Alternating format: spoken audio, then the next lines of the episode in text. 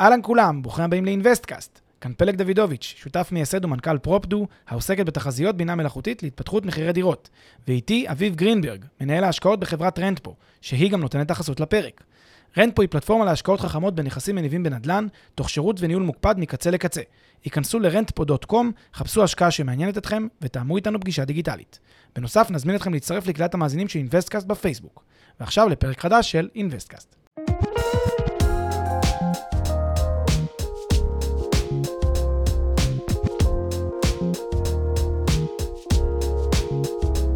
אהלן פלג. היי אביב, מה המצב? נפלא, מה איתך? מה הולך? כיף גדול לחזור. yes, כיף גדול לחזור, כיף לעשות כיף. פרק, התגעגעתי מאוד מאוד. כמה כיף, מאזינים יקרים, התגעגענו אליכם מאוד מאוד. נכון. יוצאים לדרך לעוד פרק, פרק נוסף, שנייה לפני זה, נציג את עצמנו כדרכנו. בקודש. בבקשה. אה, אני אביב גרינברג, אני מאוד מאוד אוהב נדל"ן, אני מטיף להתנהלות פיננסית נכונה לכל מי שרק מוכן לשמוע אותי, ואני מנהל אה, ההשקעות ברנפו. ברנפו אנחנו עושים לכם השקעות שעובדות עבורכם בפולין ובהמשך גם בארצות הברית ביוסטון, בקרוב מאוד, אה, וזה עליי בגדול. מה איתך? אני פלג דוידוביץ', מייסד פרופדו, סטארט-אפ בתחום של AI ונדל"ן, ואני גם אה, יזם נדל"ן, משקיע בנדל"ן, חי נדל"ן, מרצה נדל"ן באוניברסיטת רייכמן, ונהנה לשדר. Yes. לשדר את הפרקים באינוויסטקאסט. אז נעים מאוד עכשיו. שהכרנו. כן. על מה מדברים היום? היום אנחנו מדברים על אחד הדברים היותר מעניינים וכיפים בעולם הנדל"ן, וזה עסקאות השבחה. יס.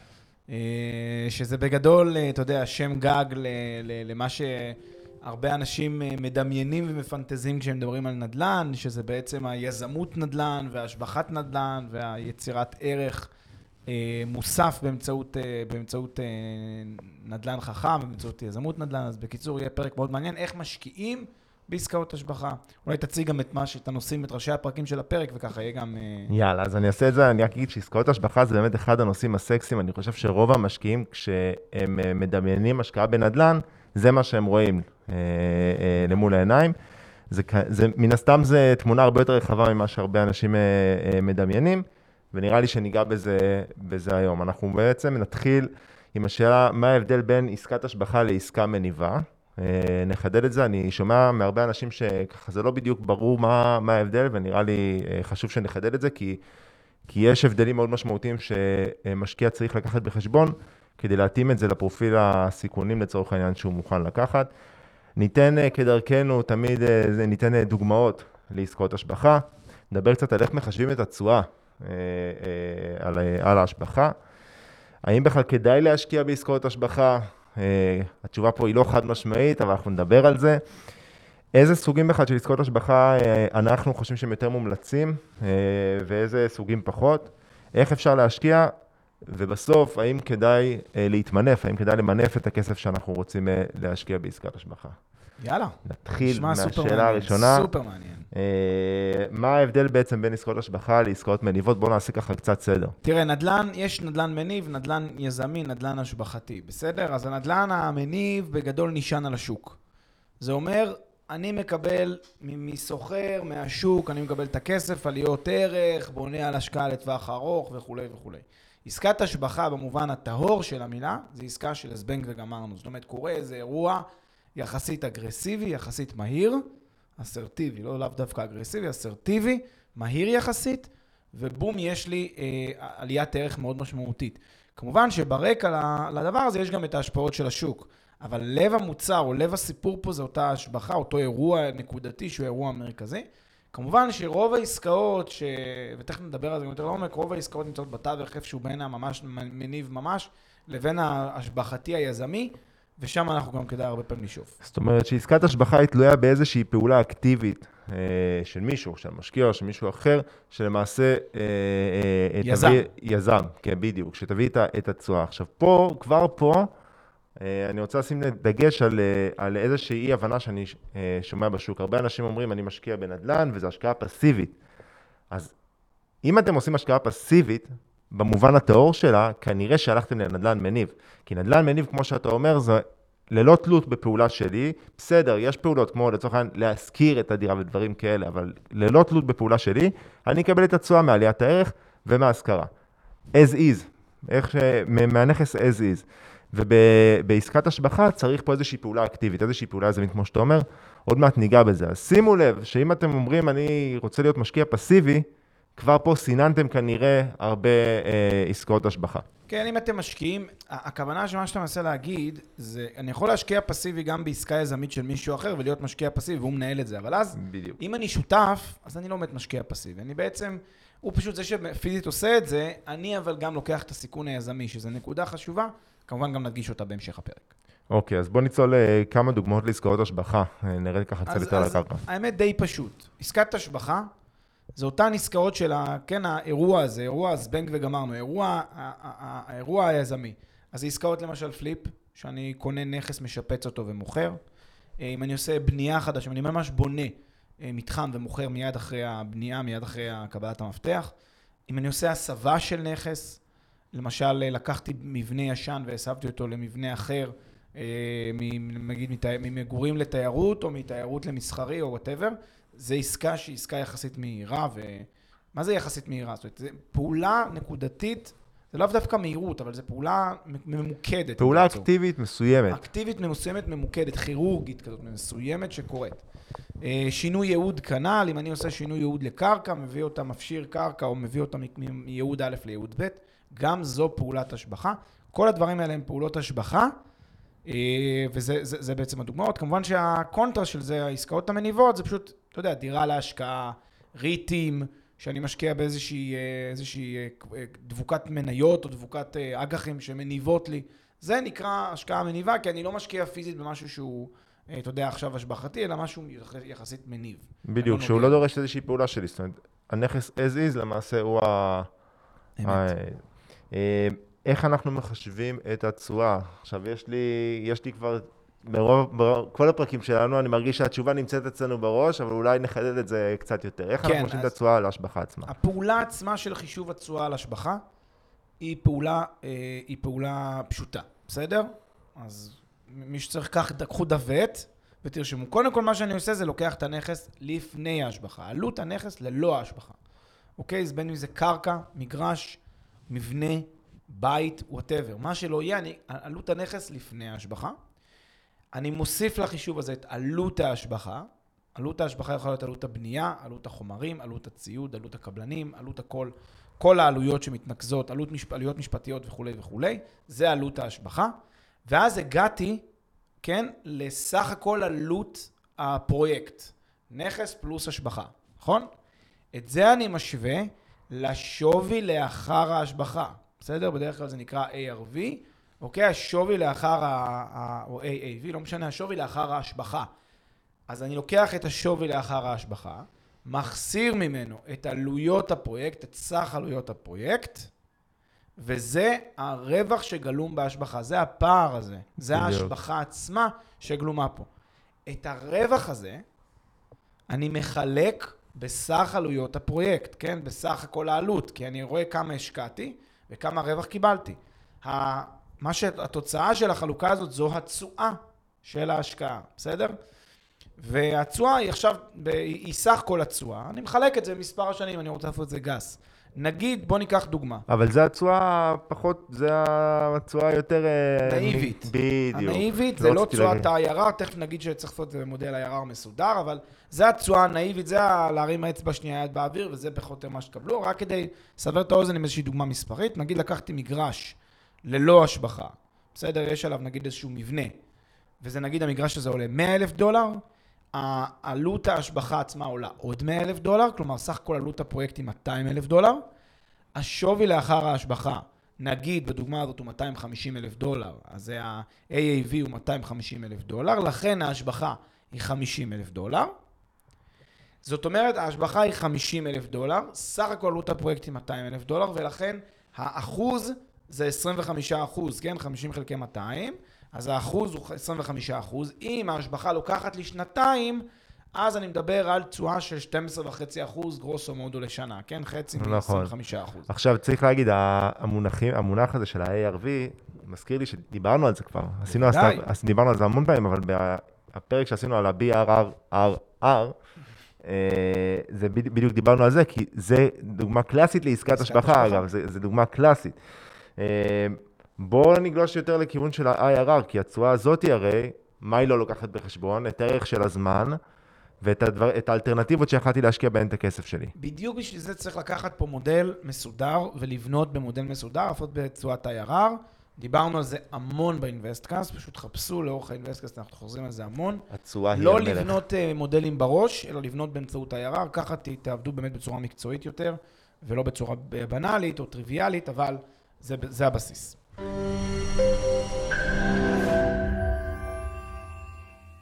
לפני שנמשיך, כמה שניות מזמנכם. הפרק בחסות רנטפו, פלטפורמת השקעות חכמות בנדל"ן עם האנשים שמאחורי אינבסטקאסט. רנטפו מאפשרת לכם להשקיע בשקיפות וביעילות בנכסים מניבים, תוך ליווי וניהול מוקפד ומקצועי מקצה לקצה. היכנסו ל-rentpo.com, חפשו השקעה שמעניינת אתכם, ותאמו איתנו פגישה דיגיטלית.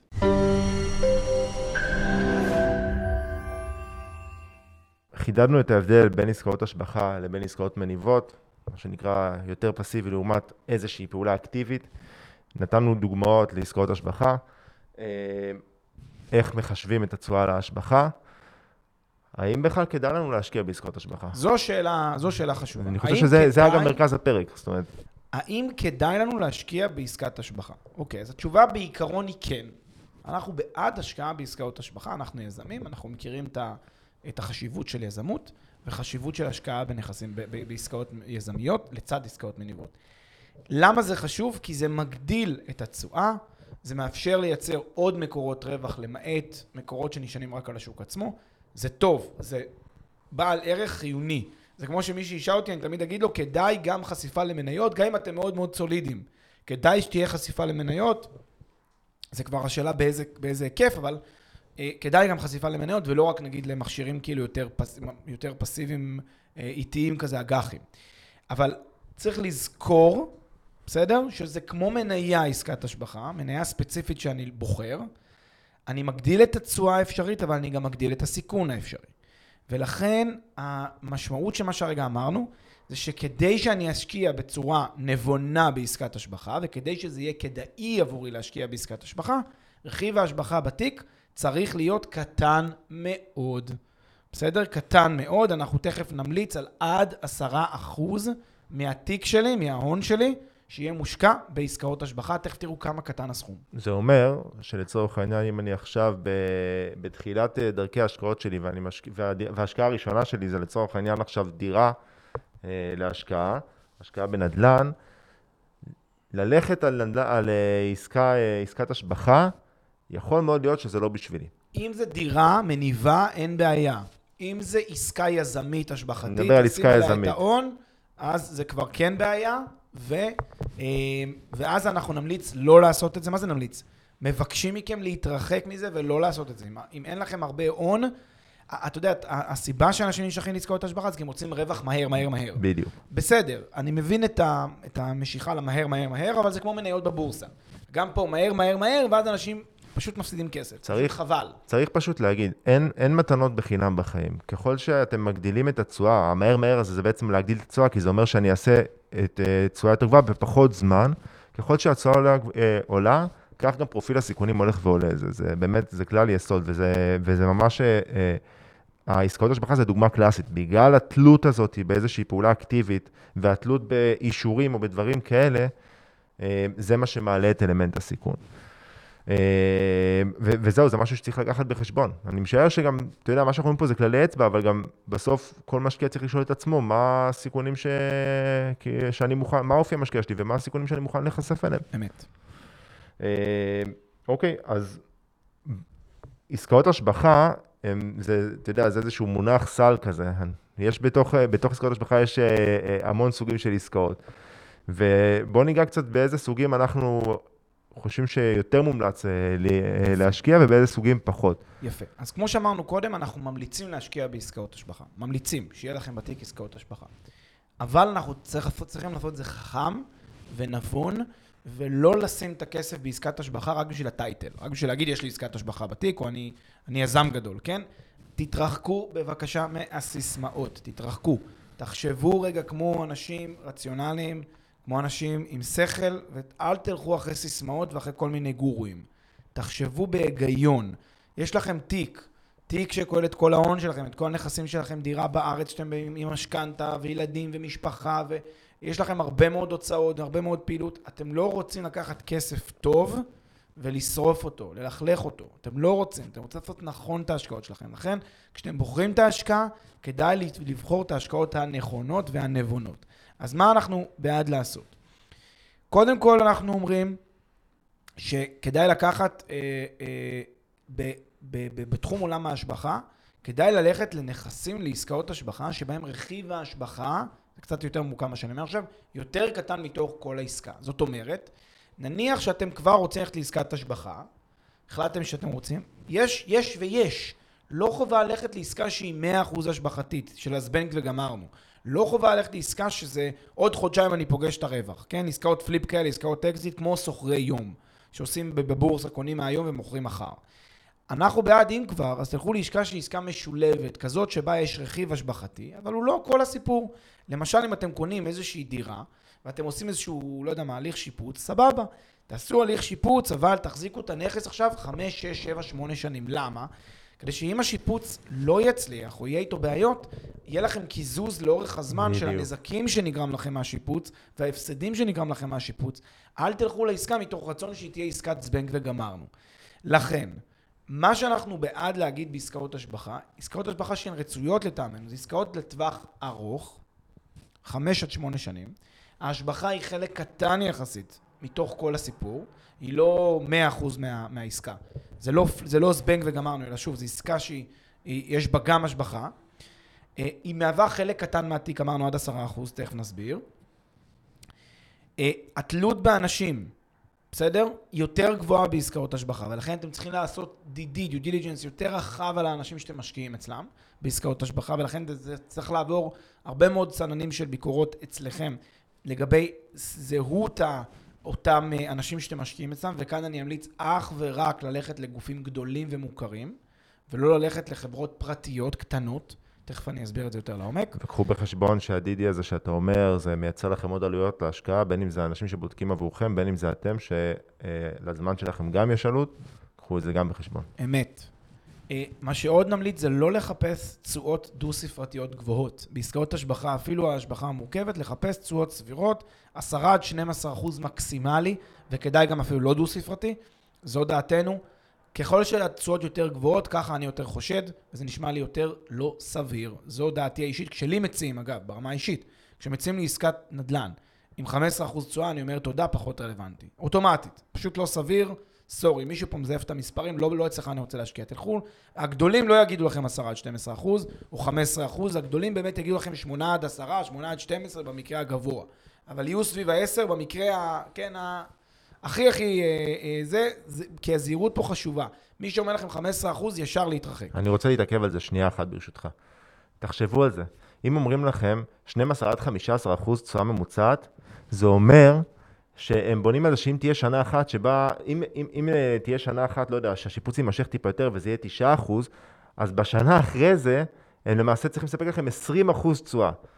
תחשבו שנייה על מה, מה זה אומר אה, במספרים. בדיוק. זה בדיוק הסיבה למה זה סיכון מאוד מאוד גבוה. יפה. ופה גם אפשר קצת להקשות, הרי יש, יש עסקאות מניבות שאם אנחנו, אנחנו רוצים לרדת, אתה יודע, לא לעבור את ה-12% ואפילו 8 עד 10%, יש הרי עסקאות מניבות שיכולות אה, להביא, IRR אני מדבר, כן? גם מעליית ערך וגם מהשכרה, להתקרב מאוד ל-8%. ואז נשאלת השאלה, אתה יודע, האם בכלל כדאי ללכת לעסקת השבחה? לגמרי. מסכים, מצטרף לכל מילה שאתה אומר. אה, והטעויות שאנשים עושים בהקשר הזה הם אה, בדרך כלל, שוב, טייטלים. טייטלים פחות חושבים על זה לעומק, כמו שאתה הצגת. וזה באמת אה, גורם למפחי נפש הרבה פעמים. עוד דבר שאנחנו נמליץ בעסק, בעסקאות השבחה, זה אם אתם הולכים לעסקת השבחה, לכו לעסקה שבה שיעור המינוף קטן יחסית. אנחנו לא נוכל להתעכב על המשפט הזה, אבל זה, זה, זה עוד דבר חשוב שכדאי לקחת אותו בחשבון. איזה עסקאות השבחה הן לא רצויות? שוב, עסקאות קצרות, עסקאות אקזיט, כשרכיב ההשבחה הוא רכיב עיקרי מתוך השלם, בסדר? אז גם אז לא כדאי. שימו לב, מצב נוסף, כאשר ההשבח, עסקת ההשבחה מהווה יותר מ-10% מהתיק, לא ללכת עליה. דוגמה, רוב האנשים יש להם סביב מיליון שקל הון עצמי. מיליון, מיליון וחצי גג. מה זה אומר מיליון הון עצמי? שימו לב, זה בניכוי משכנתה. כל- זה בניכוי כל כל ההתחייבויות. ההון שלכם. זה נכסים פחות התחייבויות. כל ההון שלכם. זה מה שאנשים שווים פחות או יותר. מיליון שקל, מיליון וחצי, ורבע שקל, מיליון וחצי שקל, זה מה שאנשים שווים. צריך להבין את זה. עכשיו, כשזה השווי שלכם, המקסימום שאנחנו מאשרים לכם להשקיע בעסקת השבחה זה 150 אלף שקל, 100 אלף שקל, 10 אחוז מזה. זאת אומרת, כל מי שמציע לכם עסקה, עסקת השבחה, שבה ההון שאתם צריכים זה 200-300 אלף שקל, לברוח, זה יותר מדי חשיפה, יותר מדי. שוב, סולידי, תחשבו על המקרה הלא טוב ולא על המקרה הטוב.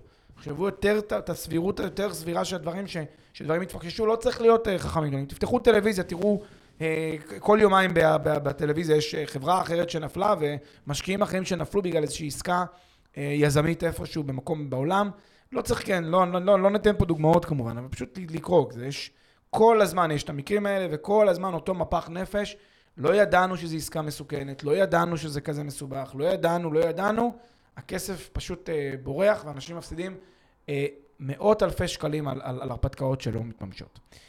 דבר נוסף שאנחנו נבקש מכם להתרחק זה קרנות פרטיות, בדיוק בהקשר לנקודה האחרונה שאמרתי. בדרך כלל בקרנות הפרטיות הפיתוי, הלחץ, המנוף שעושים עליכם, התרגילים השיווקיים שעושים עליכם, הם יותר אגרסיביים מאשר כשזה איזה גוף גדול ומוסדי. כשמדובר בגוף גדול ומוסדי, גוף שכולנו מכירים, קרנות אה, פנסיה, חברות ביטוח גדולות, שהן עצמן, יש להן תיקים כאלה שהם יותר השבחתיים, אפשר להשקיע בהם, זה מצב א', זה נהיה בעד.